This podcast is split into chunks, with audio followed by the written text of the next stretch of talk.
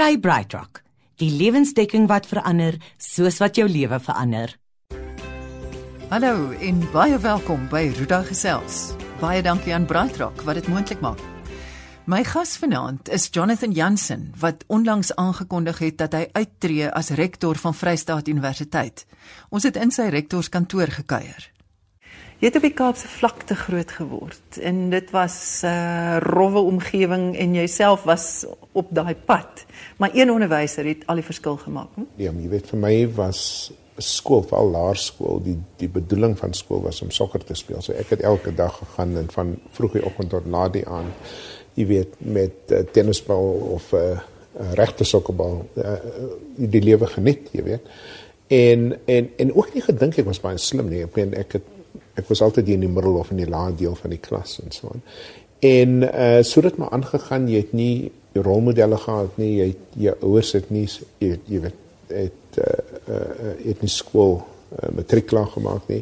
Uh, jy het mens, jy het nie mense geken wat ooit universiteit toe gegaan het nie. So vir my was die die die horison maar baie naby gewees, jy weet. Ja, en so eendag jy weet wel ek nog so rond speel hier kom hierdie Latynse onderwyser Paul Galant en hy sê vir my man ek gou jou dop. Jy maak asof jy van niks weet nie. Eintlik is jy baie slim. Jy het potensiaal. En en ek glo jy kan iets doen met jou lewe. Niemand het dit ooit vir my gesê nie of in die kerk of in die huis of in familiekringe en in uh, en en so voort nie. En dit het so groot impak op my gemaak. Ek het ek het gaan ek het natuurlik nog gespeel met die huis kom dit kyk, joh, wat was dit gewees? En van daai oomblik af, jy weet, het ek nooit weer tweede gekom in enige klas uh uh, uh op skool nie en later ook oorsee se studies en so aan. Jy het toe UWK toe gegaan, ehm um, onderwys deur die NISA, maar toe jou meesters en doktorsgrade in Amerika gaan doen. Dis reg. Ja. Wat het daai Amerika ondervinding so. vir jou en vir jou gesin, vir Grace en ja. beteken? Kyk, dit's baie moeilik om vir mense te verduidelik.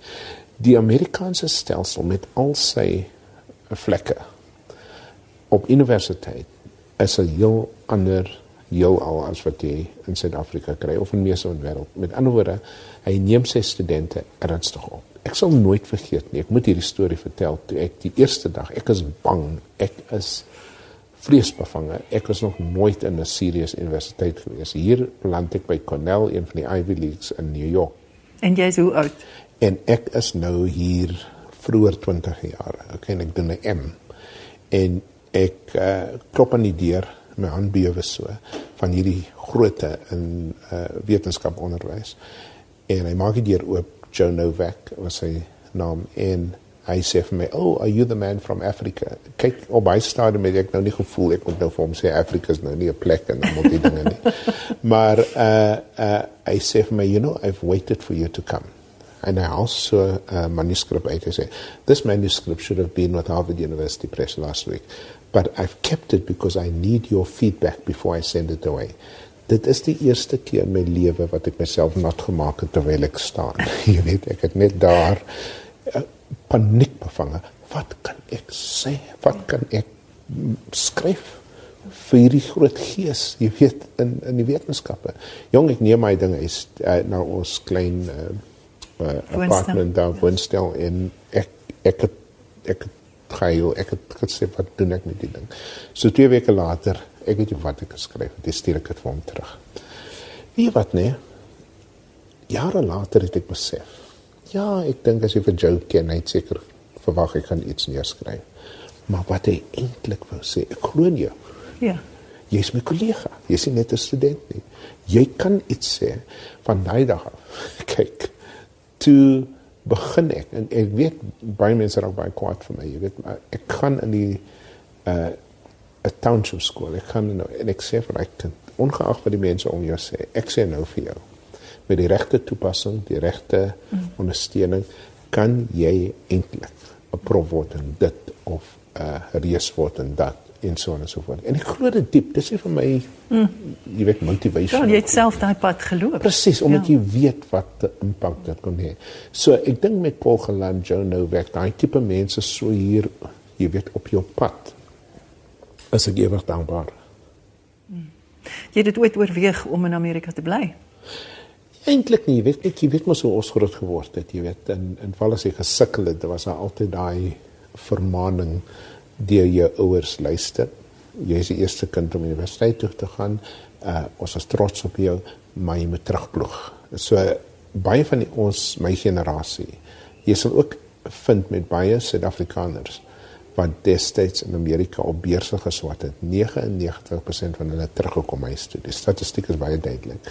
Terwyl die ouetjie uit Ghana of Senegal en so aan, uh, jy weet wat gaan dit. Meeste van hulle bly daar. Jy sien dit tot vandag toe.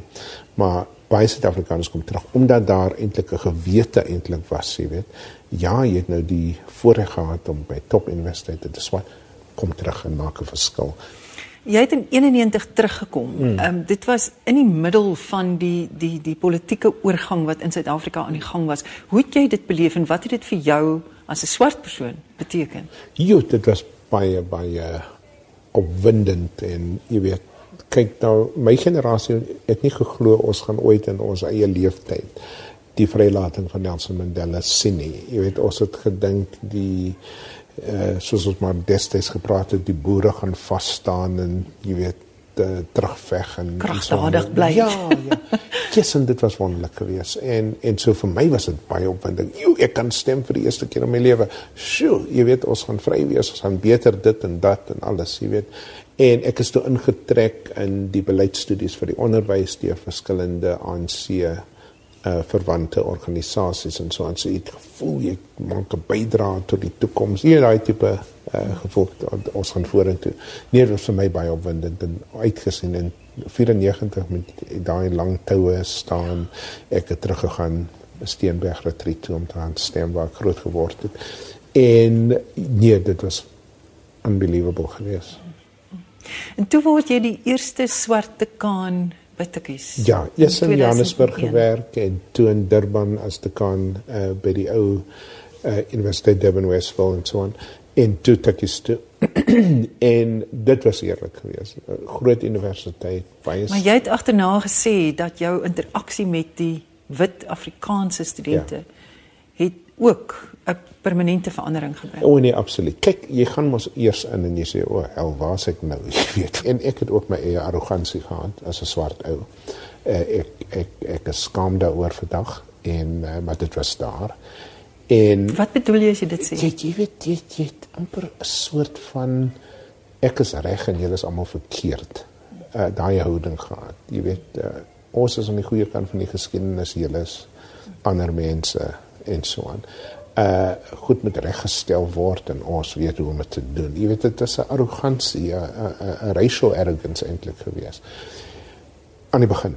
Maar nou begin jy mense ontmoet. Nou begin jy vriende maak met 'n Alta Engelbrecht of 'n Renel Evans of 'n en ek begin sien maar hierdie mense is lieflike mense. Weet want tot op daai stadium is hulle ver weg van my af. Hulle is die vyand. Hulle is die weet die mense wat die moeilikheid veroorsaak het. Nou word hulle my vriend.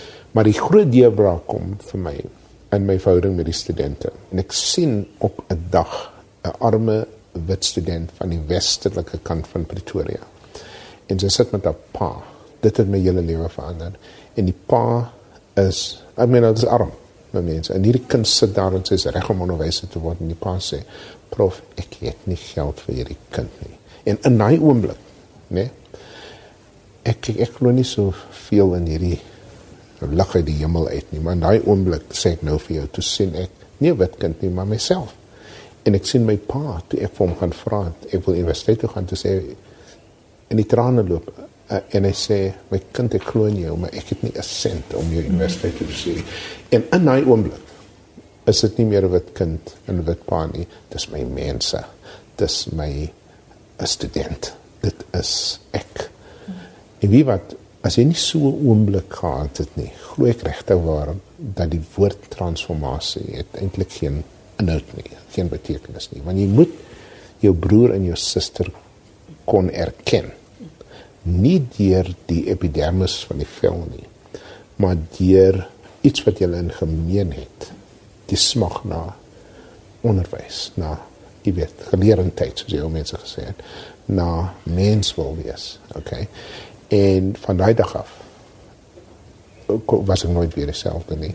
En ek dink ek sê altyd my eie transformasie is bewerkstellig nie deur swart mense nie, maar deur my wit studente, my tikkies en daarvoor is ek ewig dankbaar. Jonathan Jansen was die eerste swart dekaan by Tukkies en daarvandaan is hy koffsies toe as rektor. Dit was net na die reitsinsident toe man studente 'n video gemaak het waarin hulle werkers kos gee om te eet, skynbaar met urine daarin. Toe jy hier kom 2009, né? 9. Ja. Toe was die rassespanning op hierdie kampus Ja. iets verskriklik. Dit was erg. Hoe het jy dit benader? Toe ek kom toe die een ding wat vir my baie duidelik was, hierdie studente besef nie eintlik die erns van wat hulle gedoen het nie, die reitseuns, jy weet. Ja, hulle moet verantwoordelik gehou word. Ja, daar's hofsaake aan die gang. Maar om hulle uit te lewer sonder om te erken dat die instansie mm. wat meer as 'n eeu, uh, 100 jaar oud is, het ook 'n verantwoordelikheid, jy weet, om te erken maar ons het hulle ook gemaak nie net die ouers in die kerk en die rugbyveld nie maar ons het ook bygedra om die indruk te gee dat dit heeltemal normaal is om senior mense werknemers by die universiteit te verneder en dis net om hierdie vier ouetjies in die tronk te gooi mm. eintlik is oneerlik jy weet as jy nie ook sê maar ons het geval in die opleiding en die opvoeding van hierdie jong mense nie. Anders waarom sal hulle 'n uh, prys gewen het vir daai video van die reiswerkers? Hulle het 'n prys gewen. Die instansie het vir daai prys gegee. Verstaan jy? So baie van daai agtergrond, daai ervaring en so net gesê, daar moet 'n ander manier wees. Hmm. Anders as hierdie tit vir tat, jy weet. Hoe het jy die studente ooreed om uiteindelik te gaan sit en met mekaar te begin praat? Dit was eintlik baie maklik geweest, jy weet. Hulle het nie totaal verstaan tot vandag toe is van hulle wat ek twyfel regtig diep verstaan wat hulle gedoen het nie. Maar hulle kon erken op 'n sekere vlak. Jo, ons het droog gemaak, jy weet. So die feit dat daar 'n erkenning was, hier is fout. Die feit dat die werkers gesê het in hierdie kamer vir my prof dis ons kinders daai. Jesus, ek het toe heilig soos 'n baba. Ek dink nou al die goed staan hierdie val die vier vrouens, sy was ook 'n man gewees. En hulle staan op en sê is ons boys hierdie. Ons is lief vir hulle. Okay. En daar is iets diep in Suid-Afrikaners wat in geen ander land sou kry nie. Nee. Ek dink dis deels die feit dat ons geestelike mense is. Die meeste van ons gaan kerk toe, die meeste van die mense het 'n manier van dink. As iets net diep in ons kultuur as Suid-Afrikaners wat wanneer daar 'n krisis is, ja, baie oomblikke is daar die ouens kwaai en hulle slaan mekaar. Maar kyk net daarna, jy weet, en dan sien jy hoe mense by mekaar uh, soos Adrian Vlok op sy knieë wat voete was. Ek meen ek sien dit oral, wit en swart, jy weet. Uh en so so ek dink ons het 'n ongelooflike vermoë as Suid-Afrikaners om uiteindelik by mekaar uit te kom ten spyte van die seer. En dit is wat mense admireer in ons as 'n land. Maar hoe sien jy dan die die huidige oproer? En hoe het jy dit persoonlik ervaar? Want uh, jy het nou oor 6 jaar, wat is dit hmm. amper 7 jaar hmm. lank daar hier gewerk en nou word daar gesê Jansen must fall. Ja, nee, kyk. Gelukkig het ek nou al jare gewerk in Suid-Afrikaanse universiteite en uh elke rektor dink ek uh, op die enige oomblik is al gevra om te vol. Ek dink nie daar's een ou wat uitgesonder is nie. So jy weet of dit nou Max Price is by UCT of Adam Abib by Wits of Sizwe Mabizela by Rhodes ons almal kry daai boodskap gereël. en ons twee dinge om te onthou. Nommer 1 kos van hierdie plek. As 200 kwai studente wat by kwaad is oor 'n klomp goed. Jy weet nie altyd waar oor gekort is nie. 200. Ek het op hierdie kampus 32000 studente. Okay. So die eerste ding om te hou is perspektief. Okay. Uh in proporsie want jy kan nie laat 'n klein groep raserige mense. Hulle kan baie skade doen. Dit is inderdaad so. Maar jy kan nie sê hulle is die universiteit nie want hulle is nie.